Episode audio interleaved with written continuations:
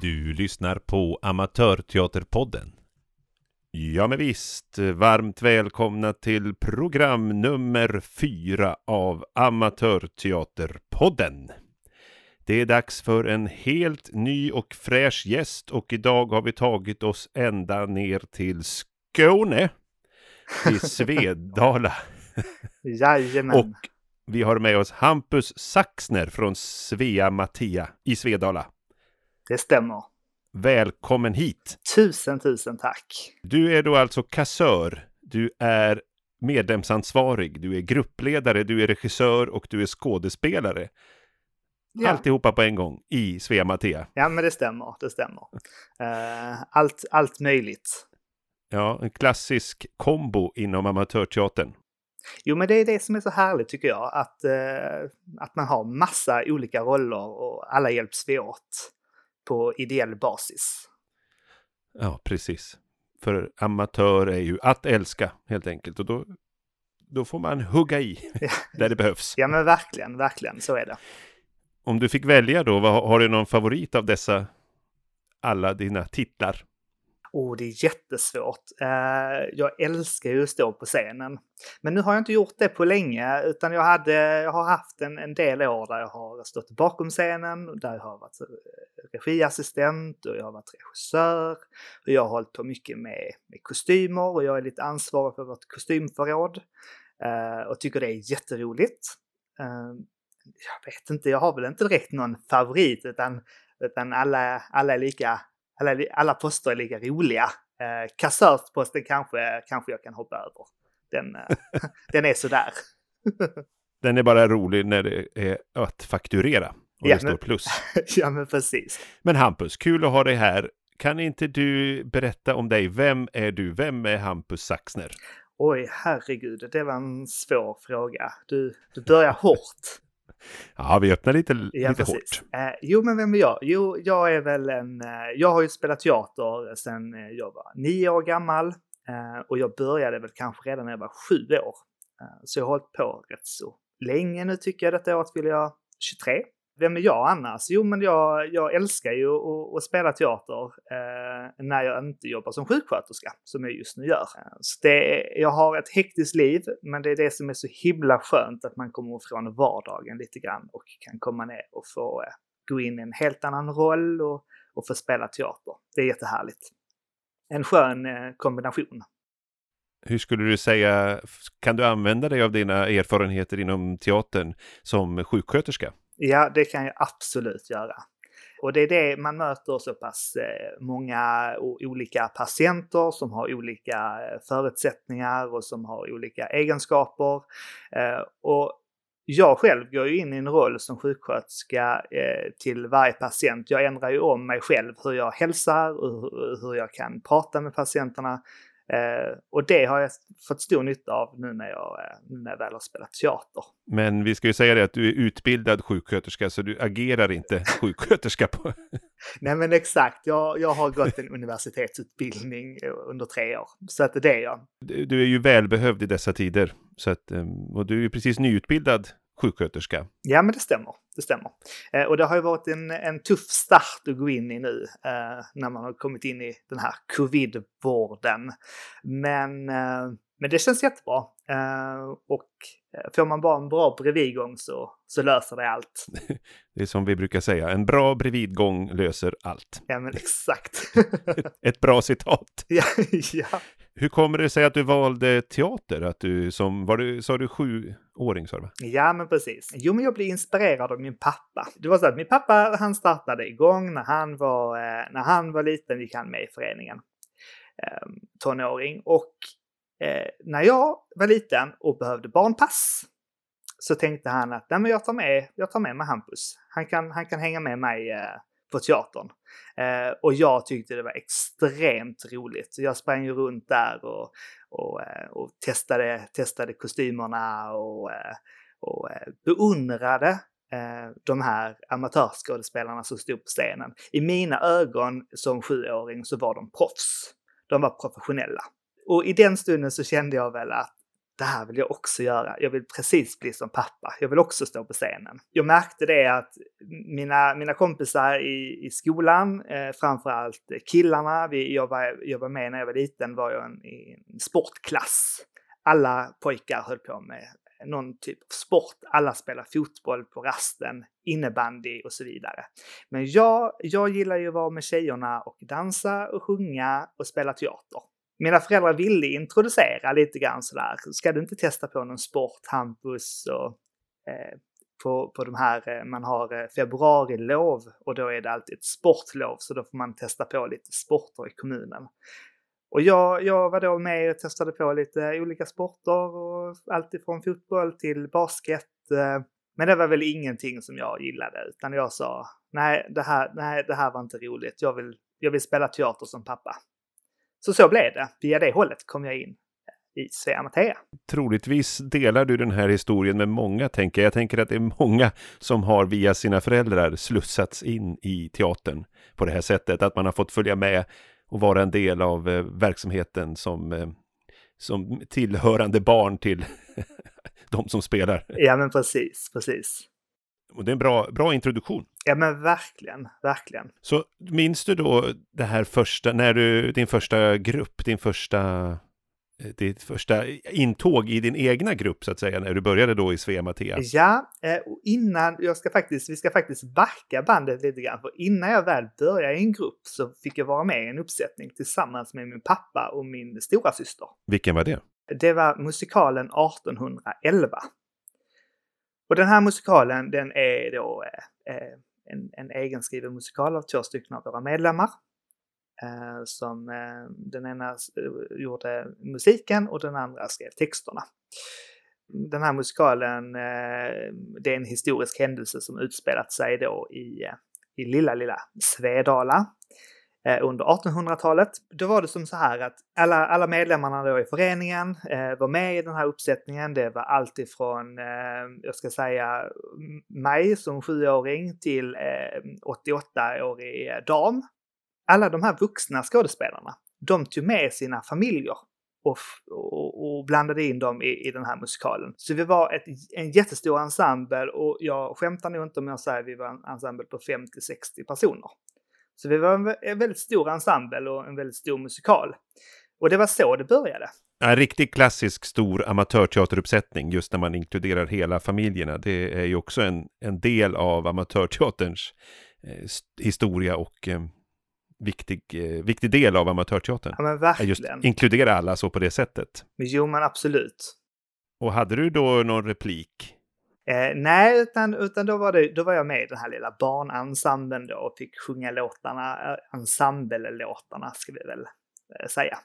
Ehm, eh, men det var en väldigt häftig musikal att få vara med i från början. Och som, som barn minns jag det att, att man kom dit och, och då var det ju inte, eftersom vi inte har några scenarbetare, vi har inga ljud och ljustekniker som installerade, utan det är vi själva som får eh, åka dit flera, flera timmar innan föreställningen och, och rigga allt. Och det gjorde ju de vuxna. Så vi som barn kunde springa runt på åkrarna och, och, eh, och leka kull och ha jättetrevligt tillsammans.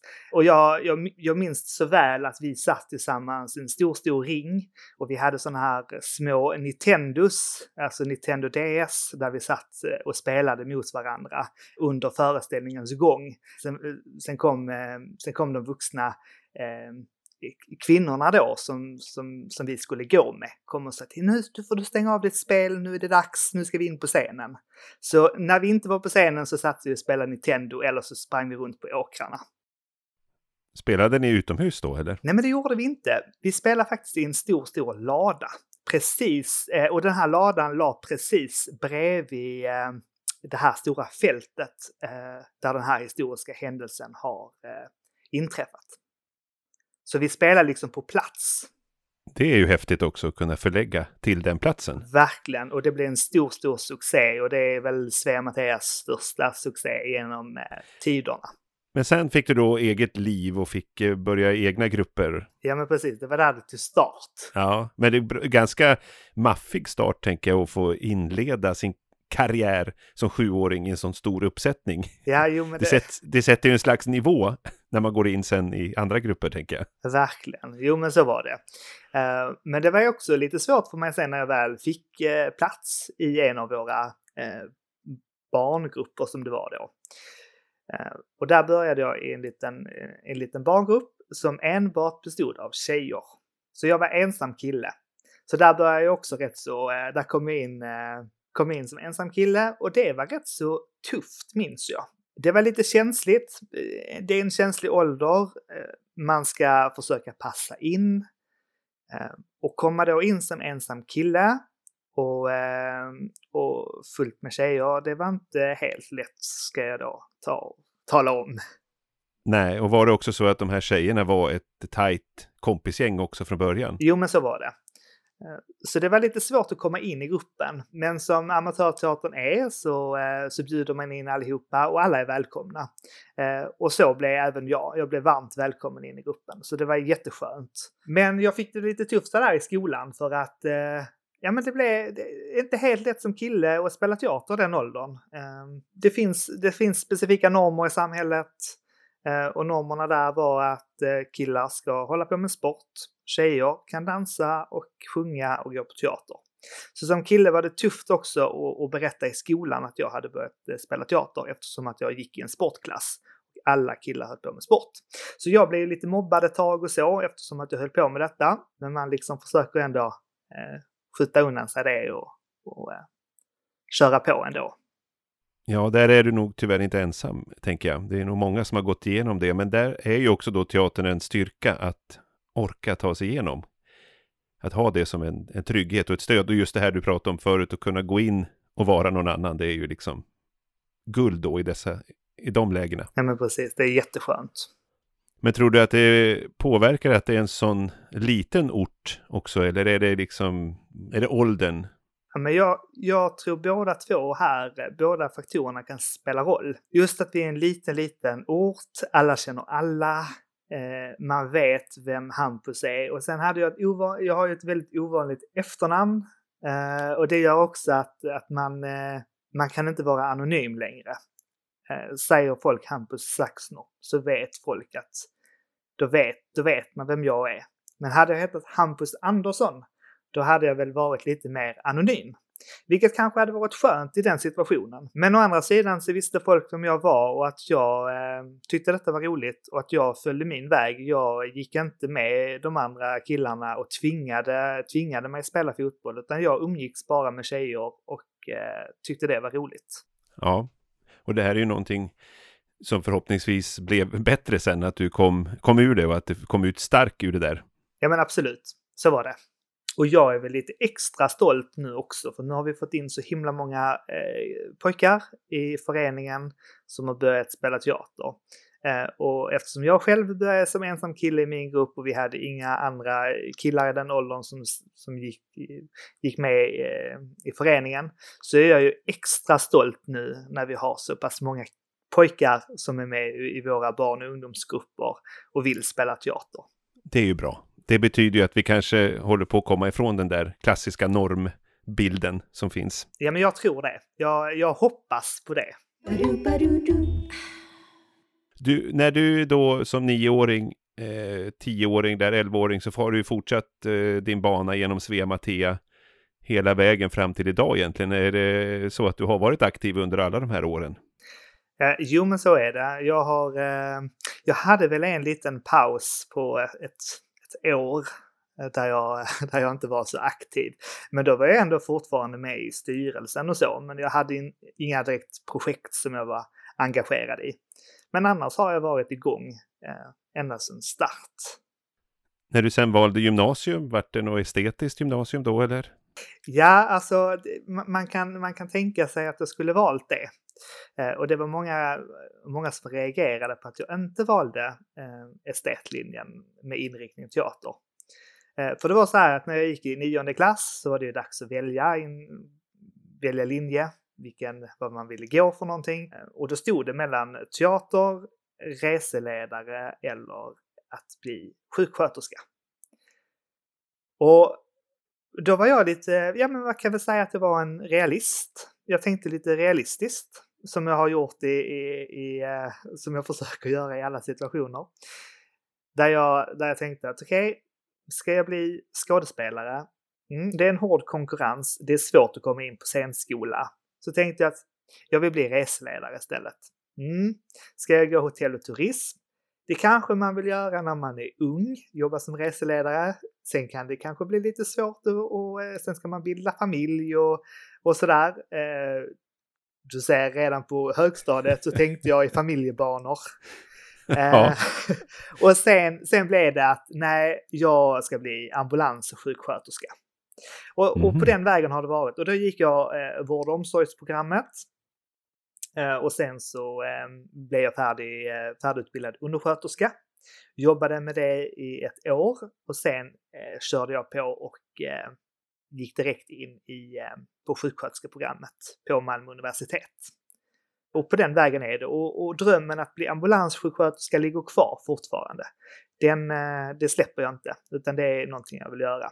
Sen, sen har jag, kommer jag aldrig att släppa teatern eh, och jag har, väl, jag har väl alltid haft en dröm om att bli skådespelare.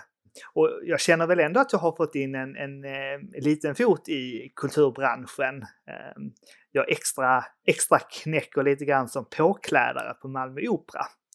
Så att, där har jag fått in en, en liten fot, vilket jag tycker är väldigt roligt. Och just också eftersom jag är kostymansvarig eh, eller har hand lite grann av vårt kostymförråd i föreningen så tycker jag det är extra roligt att, att kunna bryta av, även där, bryta av, av min, eh, min vardag från vården till att gå in i operahuset och eh, vara påklädda under föreställningarna.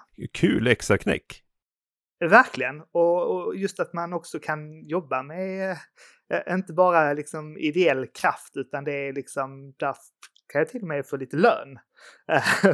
och, det, och det är jag inte van vid eh, när man eh, som, som, kultur, som ideell kulturarbetare. Vi byter fokus till föreningen tänker jag, Svea Mattea. Grundades 1979. Ja, men det stämmer. I Svedala. Och sen har det varit en spikrak resa uppåt. Ja, men det får vi säga. Vi hade ja. några år vet jag, ehm, eh, där det var lite stiltje kan vi väl säga. Eh, där, där föreningen, eh, men vi hade inte så jättemycket produktioner igång och, och det var några år där det var lite stilla. Men, eh, men sen fick vi oss ett, ett rus igen. Hur många medlemmar är ni aktiva i föreningen just nu? Nu är vi, om jag inte minns fel, sist jag kollade så är vi 104 medlemmar som är igång. Det är ju en väldigt bra siffra. Ja, och vi är väldigt stolta över att vi har fått en sån stor eh, eh, stort medlemsantal. Eh, på de senaste åren nu har det ju blivit ett, ett himla uppsving, får vi väl kalla det. Där vi startade igång fler och fler barngrupper. Vi var från början en barngrupp och en ungdomsgrupp. Det var när jag startade. Och sen när jag gick upp i ungdomsgrupp så började vi bilda fler grupper och nu är vi uppe i tre stycken barngrupper och tre stycken ungdomsgrupper. Och nyligen faktiskt i höstas så startade vi upp vår nystartade eh, vuxengrupp. Där vi har eh, nya, nya eh, vuxna talanger som, som vill spela teater. Är ni jämnt fördelade mellan medlemmarna i ålder, tänker jag, barn och vuxna, eller är det övervikten barn och ungdomar då? Just nu? Det är, det, det, är fler barn och ungdomar får jag säga. Vi är väl, eh, jag får väl kanske 75-80 procent av våra medlemmar är barn och ungdomar. Resten är vuxna. När man går in och tittar på er hemsida och tittar lite grann i arkiven så ser man ju att ni har ju gjort väldigt många uppsättningar genom åren. Måste jag säga. Det, det känns som att det har varit en väldig aktivitet i föreningen. Hur jobbar ni? Är det så att alla grupper är produktionsinriktade eller eh, jobbar ni med eh, i olika steg eller hur, hur, ser, hur ser tankarna ut? Hur ni jobbar? Det är lite olika. Vi har ju våra eh, barn och ungdomsgrupper som, är, som, som träffas varje vecka och är våra standardgrupper. Våra barngrupper eh, gör alltid en liten produktion per termin och sen visar de upp för sina föräldrar och släkt och vänner. Våra ungdomsgrupper jobbar eh, däremot i projekt hela tiden, så de har, eh, de har ett nytt projekt. Och det kan vara allt ifrån eh, att de jobbar under en termin med ett mindre projekt och sen har föreställningar eller så kör man nästan ett årsprojekt eller om inte ett och ett halvt år där man repeterar. Och vi träffas ju bara en gång i veckan. Det är ju många, många, vet du, mycket publik som kommer in och så säger de Ja men nu var det ju så länge sedan ni satte upp någonting. Ja, men vi är heller inte, vi träffas också två timmar en gång i veckan. Då hinner man inte, eh, vi, vi kan inte träffas åtta timmar som, en, som de professionella skådespelarna gör och repetera i två månader för att sen ha en premiär. Utan det tar tid. Eh, och det är inte alla som förstår det och det är väl den eh, tanken man vill förmedla till vår publik, att vi är en ideell amatörteaterförening som är på ideella krafter. Och vi jobbar ju kvällstid. Eh, det är ju absolut inte dagtid, utan det är ju kvällarna vi kan repetera och helger framförallt. Men, men ett bra tecken tänker jag då ändå på att publiken kommer och önskar och hoppas på att ni ska snart sätta upp någonting nytt. Det är ju ändå ett bra betyg på att det, det ni gör har varit väldigt uppskattat. Verkligen. Så det, det är ju väldigt roligt. Men som sagt, vi har ju väldigt många grupper och vi har även eh, våra vuxna medlemmar, de sätter väl upp eh, produktioner ja, lite så när de känner för det och när de får en, en, en liten idé eller tanke. Då bildar man små ensembler då eh, som, som då sätter upp en föreställning och repeterar vid sidan av. Ni har gjort en del stor, storproduktioner, till exempel Viva la Greta var ju en nu senast. Trollkarlen från Os hade ni på gång, men den hann ni väl inte ha premiär på va? Jo, men vi hann faktiskt det. Ni hann det? Ja. Eh, som, som, du säger, Viva la Greta, där, där, det, där var lite körigt. Jag regisserade föreställningen. Eh, jätteroligt, det är min första stora föreställning som jag regisserar. Så det var eh, superroligt. Men vi hann spela premiärhelgen. Sen, blev, eh, sen hade vi två i ensemblen som blev sjuka helgen efter eh, och ringer mig lördag morgon klockan nio. Hej, jag har feber. Hade det inte varit att corona, coronan hade tagit start så hade vi spelat ändå. Då hade jag sagt du får ta två Alvedon och komma hit. Men eh, i det fallet så fick jag ju ta och eh, ringa runt till eh, alla som hade bokat biljetter. Eh, så det var lite, lite kaot, kaotiskt sådär eh, andra helgen. Men sen hann vi faktiskt spela vid Valagreta eh, i augusti. Då körde vi resterande föreställningar för en mindre publik. Och vi hann även spela i oktober, hann vi spela eh, Trollkarlen från Os innan nya restriktioner sattes in. Just det. Ja, men skönt att få hinna spela någonting. Det var jättehärligt. Och vi gör några historiska nedslag i föreningen. Har du, har, finns det några milstolpar värda att nämna? Mm, men det är ju framförallt våra två stora musikaler. Dels musikalen 1811 som blev en stor, stor succé och den, den spelade vi ju eh, ett, ett flertal år. Om jag om jag inte minns fel så var det väl en fyra, fem år. Och då var det en, en stor sommarproduktion, så då spelade vi flera dagar i veckan under eh, en, två månader. Så det var ju liksom verkligen en, en stor produktion som vi spelade. Sen har det ju varit också en, en stor musikal som heter Axel i Giljotinens skugga och den, eh, det är ju en produktion som, eh, som utspelar sig eh, då Axel von Fersen på ja, den franska, franska revolutionen helt enkelt. Och det, det, var också de här två personerna som skrev musikalen 1811 skrev även musikalen Axel von Fersen. Eller Axel i giljotinens skugga som den heter. Så det är väl de två stora musikalerna som vi, som vi är mest kända för. Och sen är det det här stora barn och ungdomsuppsvinget som vi har haft nu ehm, för en, eh, kan det ha varit en sex, sex, sju år sedan som vi, som vi fick eh, en väldigt stor barn och ungdomsverksamhet på bara en kort, kort tid. Till slut då, har ni någonting på gång i föreningen nu i dessa märkliga tider Finns det någon, eh, några planer för framtiden eller avvaktar ni läget? Ja, men det finns planer och det finns det alltid. Eh, vi har väl, eh, dels så har vi våra barngrupper då. De, jag vill ju även fast de bara visar upp för, för mamma och pappa och släkt och vänner så är de otroligt viktiga. Eh, och de stampar ju nu och får visa upp sina produktioner som de har haft igång sedan förra våren. Sen har vi, eh, jag vill nästan inte avslöja vad vi ska spela här, men, eh, men i höst så blir det musikaldags förhoppningsvis. Om den inte flyttas fram beroende på hur restriktionerna ser ut. Och sen, eh, sen har jag ett litet projekt där vi har en liten mysteriekväll på biblioteket heter det.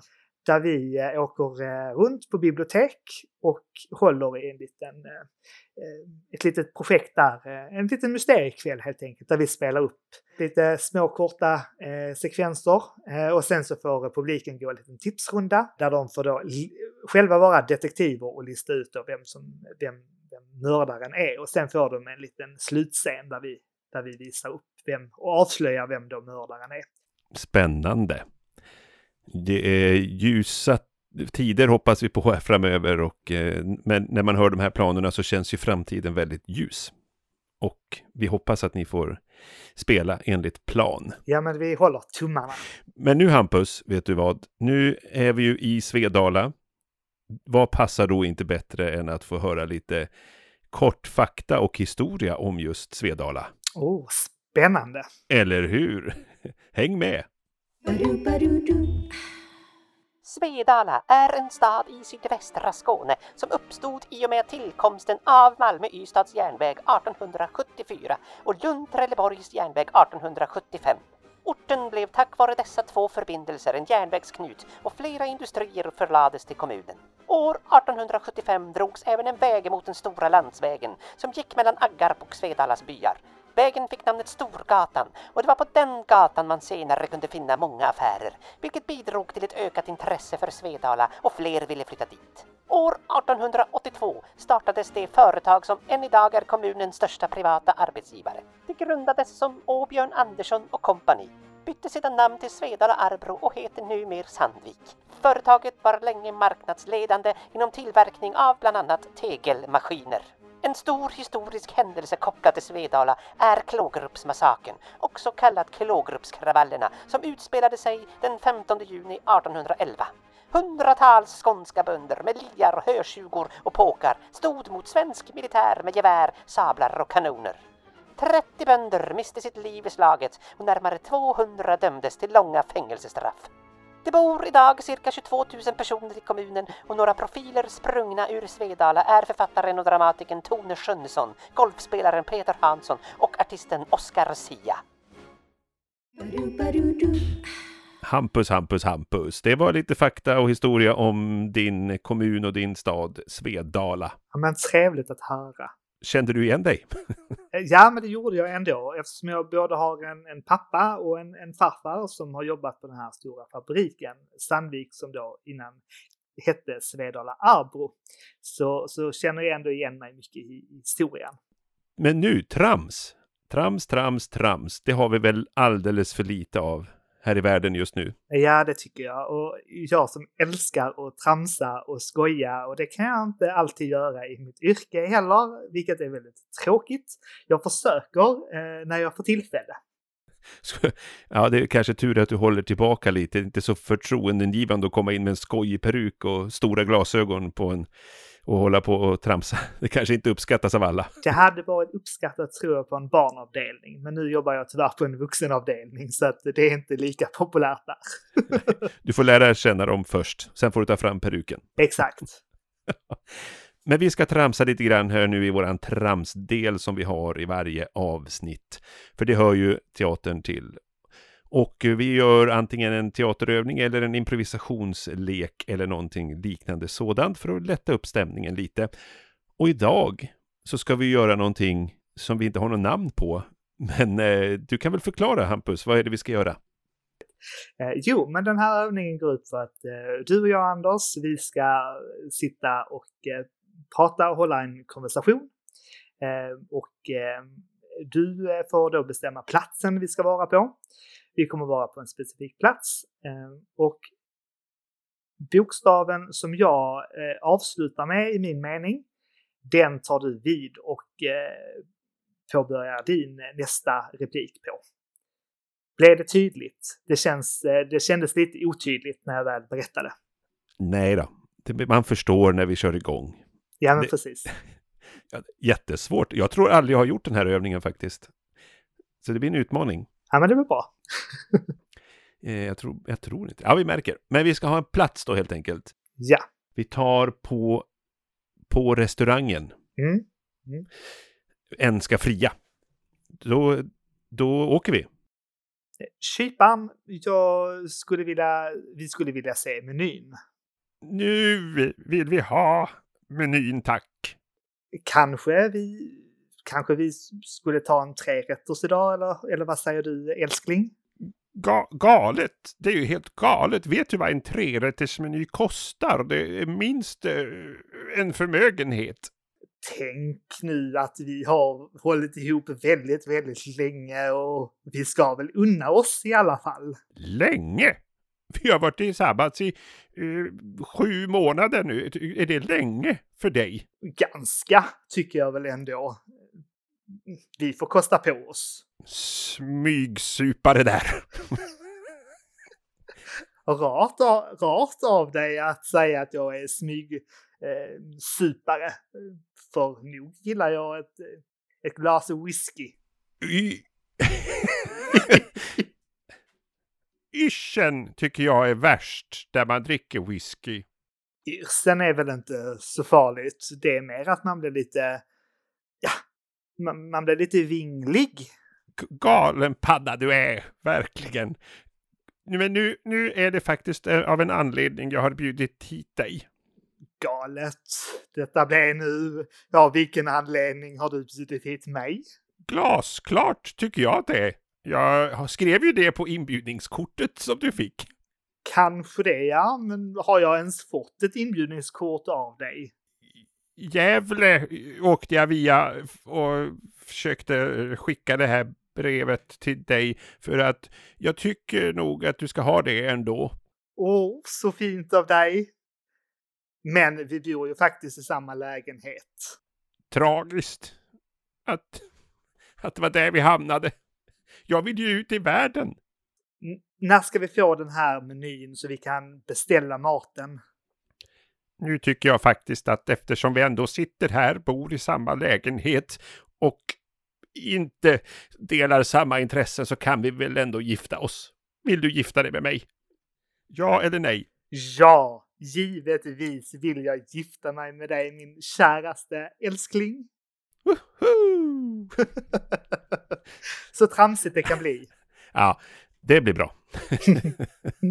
Men från trams till manus ska vi ta oss nu, Hampus. Vi ska få höra ett manustips från vår dramaturg Isak Schöjer.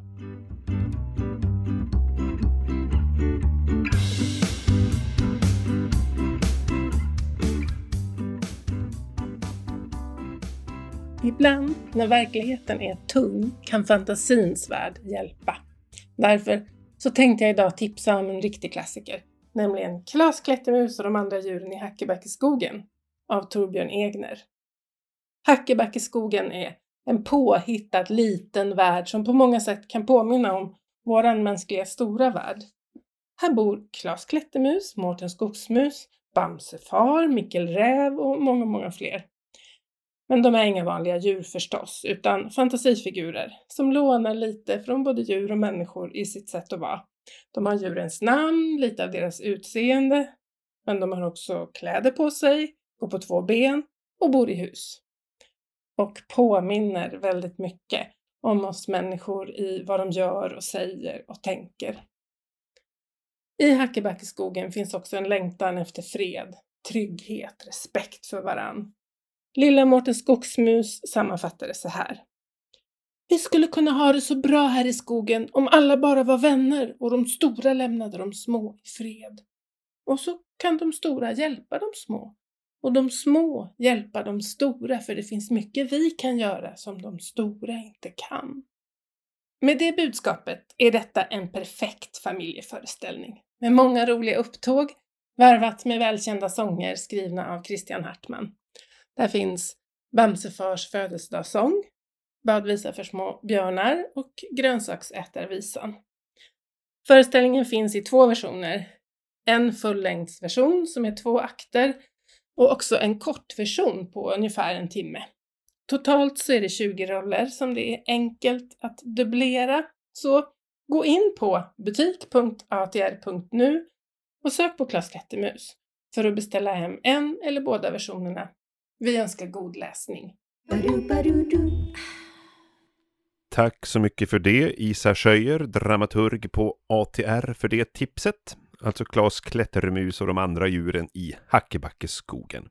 Ja, det är verkligen en klassiker, eller hur Hampus? Verkligen. Och eh, en, en, väldigt härlig familjeföreställning. Ja, precis, för det är ju någonting som ni ofta gör på Svea Mattea som jag har förstått, just familjeföreställningar. Och om jag har läst rätt så har ni ju också satt upp Klas Klättermus just. Mm. Jag satte upp den vid två tillfällen. Eh, ett av tillfällena var, jag för mig om det var 86 och den andra var 2013. Jag, jag var inte ens på, påtänkt eh, när de spelade upp den eh, 1986. Men 2013 var jag själv med i föreställningen. Vem fick du spela då, eller vilka? Jag spelade lilla bagarpojken. En liten Oh. eh, fin eh, liten hare. Ja, just det. Är det han som eh, har i... Nej, det är inte den han har i för mycket peppar. Är det jo, då? absolut. Jag blandar ihop eh, socker och peppar. Jag har en liten, en, en liten rolig händelse som eh, när jag spelade eh, som, jag, som jag tänkte faktiskt jag kan dela med mig av. Det tycker jag. Jo, det var så här att jag, eh, den här låten som, som eh, bagar, bagar visan när vi skulle baka pepparkakor. Eh, Den visan skulle då jag sjunga helt själv, sjunga solo. När inte Jösse bagare var på plats, då var det jag som skulle sjunga. Och, som, eh, och när jag spelade den här föreställningen så var jag, eh, tror jag, om jag var 13 kanske eller någonting sånt. Eh, 13 år kanske jag var. Ehm, och rösten sprack lite grann kan man väl säga när jag sjöng denna visa. Eh, och som tur var så var det ju på genrepet som detta hände, alltså generalrepetitionen. Så vi hade ingen publik eh, som satt och tittade och det var ju jätteskönt för alla i ensemblen dog av eh, garv, får jag väl säga, dog av skratt bakom scenen. Och jag blev röd som en tomat i ansiktet och tyckte det var jättejobbigt. Men det är en kul grej att skratta åt nu i efterhand. och även, och det är väl så här att en generalrepetition ska aldrig gå som, eh, som, som premiären, utan en generalrepetition ska gå lite halvdåligt för att premiären ska bli toppen. Det sägs ju så enligt traditionen. Och, och, och så har det varit många, många gånger. Ja, Jag har faktiskt varit med om en gång på ett genrep där vi fick stående ovationer. Ja, Eh, den var lite jobbig, för då just när man ibland tänker, tänk om det här betyder då att det kommer bli katastrof. då blir man orolig inför premiären. Ja, jag brukar inte lägga jättemycket vikt vid det, men eh, just då, när det vart så tydligt, så ja, men det gick bra. Det gjorde det. Skönt. Inom er, er förening Svea Mattia, hur jobbar ni med manus? Har ni en manusgrupp som jobbar fram olika förslag eller är det grupperna själva som letar efter manus eller skriver ni själva? Hur, eh, hur jobbar ni med manus? Det brukar vara så här att eh, till våra ungdomsgrupper som vi har, eh, där får de komma med förslag på vad de vill göra för någonting och vad de vill spela. Och sen så tar ledarna då, eller regissörerna, tar då fram förslag. Och då får vi rösta på, på vad vi... Eh, då blir det en, en, demokratisk röstning som det ska fungera i en, i en, en, amatörteaterförening där alla ska få eh, eh, dela med sig av sin röst. Eh, där vi då eh, väljer ut ett manus som funkar. Och sen så kör man en liten, kör vi en klassisk kollationering och ser vad vi tycker om manuset. Vi läser den några omgångar och sen börjar vi jobba med manuset om vi känner att det är värt. Och då eh, framför allt söker eh, rättigheter det första vi gör. Och då mejlar jag dig Anders. Bra där. Eh, men det, det varierar lite grann och ibland så kan, ju, det finns ju medlemmar som får en idé om, om ett manus eh, eller en föreställning man vill spela. Så ser man om vi kan, kan lyckas eh, få ihop det. Och det är ju många som får en idé och, och känner att eh, ja, men den här föreställningen vill jag regissera och själv eh, ordna ihop sin egen ensemble och så. Så det varierar lite grann i föreningen hur vi jobbar med just eh, ta fram manus och vad vi vill göra för någonting. Skriver du någonting själv? Ja, men jag har ju gjort det. Jag har Låt ju, höra. Ja, eller ja, jag har ju skrivit ett manus som jag berättade innan eh, den här mysteriekvällen då. Och det har jag skrivit utifrån en bok då som finns. Men jag har ju själv eh, jobbat fram det här manuset. Eh, annars så är jag väl inte ett jättestort fan av att själv skriva utan jag tycker det är rätt skönt när det finns ett färdigt manus som, eh, som är bra nog att jobba efter. Har du något sånt här drömmanus som du känner att det här skulle jag vilja sätta upp eller spela i? Ja, jag har ju, eh, jag gillar ju också musikaler. Jag tycker ju eh, musikaler är jättetrevligt och jättehärligt. Jag har ju en favoritmusikal och det är ju Kinky Boots. En, eh, den hade jag ju älskat att sätta upp. Dock så är den ju väldigt svår kan jag tänka mig att sätta upp. Har du sett den? Jag har sett den Eh, och jag vill se den i eh, London. Men har inte lyckats se den än i London, men det kommer när man får resa lite mer. Eh, Men jag har sett den här i Sverige. Sen har jag ju även en, men den vill jag hålla lite hemligt för att vi, eh, vi spånar på och kanske sätta upp den här och det är ingen, det är jag och min pappa faktiskt som, som spånar på den här idén tillsammans. Vi, vill, vi är sugna på att göra ett projekt tillsammans. Och jag säger inte för mycket, men det är en av Ivar Lo Johanssons noveller som vi vill basera ett manus på. Eh, och jag säger inte för mycket för att det, det är inga av våra medlemmar ens en gång som vet om att vi, eh, vi är sugna på att göra detta, så vi vill hålla det hemligt ännu. Ja, då håller vi det hemligt. Ja, Är det första projektet far och son emellan? Eh, ja, men om vi, som, står, som, står bakom, eh, som står bakom kulisserna så är det så. Vi har annars spelat ihop eh, i, i, i någon föreställning, men eh, bakom kulisserna där, där det är tänkt att han ska få, eh, eh, där han ska regissera och jag kommer då jobba lite mer som producent, är det första projektet. Och, men, men det vi inte har pratat om, slår det mig nu, det är ju var ni håller till. För visst är det så, ni har ju faktiskt ett eget teaterhus. Vi har ett eget kulturhus, det stämmer. Det hette från, från början hette det Flamman. Men vi döpte om den när vi köpte den till Kulturhuset Flamman. För vi vill, inte, vi, vill, vi, vi vill att det ska vara ett kulturhus där det inte bara visas teater utan det kan vara dans. Vi har haft konstutställning i vår foyer.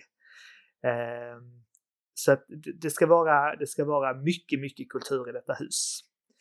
Eh, och vi köpte det 2006 av eh, Svedala kommun. För de, eh, de, såg, de såg objektet som ett rivningsobjekt.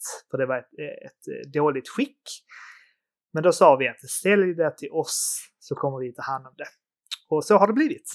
Ja, det har ni verkligen gjort. Jag har ju sett bilder därifrån. Jag har tyvärr inte lyckats komma dit, men det hoppas jag att jag får göra i framtiden. Men på de bilderna man ser. välkommen. Tack! men man ser ju att det verkar ju väldigt, väldigt fint. Vi är väldigt stolta över vårt hus och eh, det är en ära att få ha ett eget kulturhus där man har nyckel så man kan komma och gå när man vill. Eh, vi står eh, inför produktioner så står vi ut till tre, fyra på nätterna och målar kulisser. Och då är det ju utmärkt att ha ett eget hus där vi kan, där vi kan vara när vi vill. På, på hela dygnet.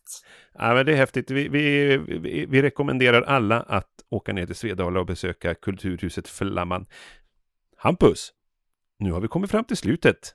Det är bara en del kvar på detta avsnitt och det är ju våran stafettberättelse. Det ska ju bli jätteroligt. Men lite, Ja, lite läskigt att se var, eh, var det slutar, denna, denna historia som är påbörjad. Otroligt spännande. Vi är väldigt nyfikna på fortsättningen, så eh, nu kör vi!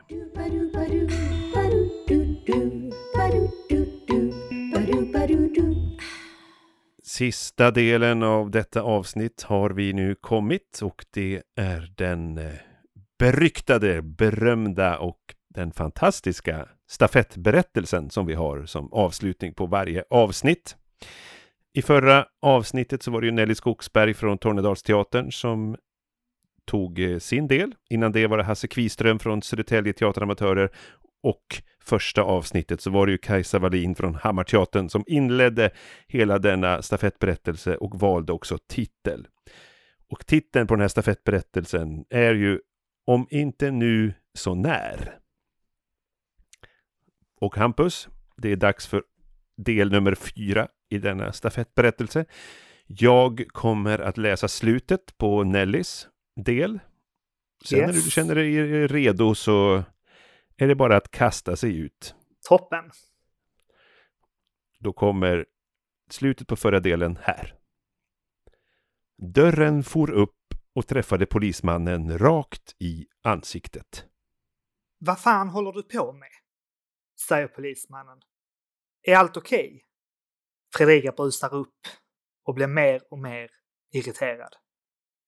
Visa ditt körkort, får polismannen fram, som nu håller en hand på läppen som är blåslagen utav bildörren. Fredrika tar upp ett körkort från plånboken. På körkortet syns en man med fyra dubbelhakor som hänger efter varandra. Det visar sig vara Kjells körkort. Vi behöver göra ett nykterhetstest. Det gick lite väl fort, säger polismannen. Detta är en 110-väg och du körde 170 med husvagn. Hur tänkte du där? Jag vill ju bara bli av med honom, påstår Fredrika. Polismannen börjar få fler och fler tankar om vad den där kvinnan kan tänkas göra. Han lägger sin hand om pistolhölstret och är beredd. När plötsligt Fredrika säger Men gubbskrället ligger ju i husvagnen. När ska jag bli av med honom? Om inte nu, så när? Polismannen går sakta mot husvagnen och lägger en hand om handtaget. Han öppnar dörren. Sakta. Du, du, du, du. Oh oh. Ja. Nej, men det är ljuvligt. ljuvligt. Vilken eh, målande berättelse det blev. Och underbart att komma upp i 170 med Ja. husvagn. Verkligen, shit. Det, är- det är en bedrift. ja, Nej, men otroligt bra. Jättekul och tack för den fortsättningen. Vi ser med spänning fram emot fortsättningen nu. Vad, eh, ja, hur ska det gå nu när han kommer in i husvagnen? det ska bli spännande att lyssna vidare på den här berättelsen och se vilken vändning det tar. Allt kan hända.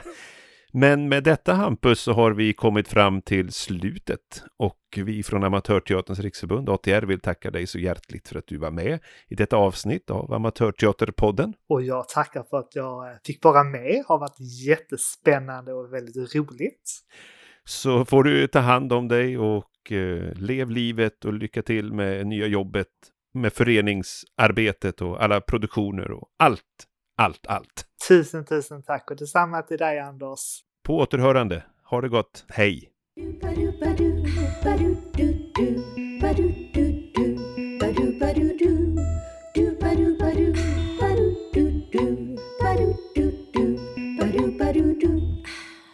Amatörteaterpodden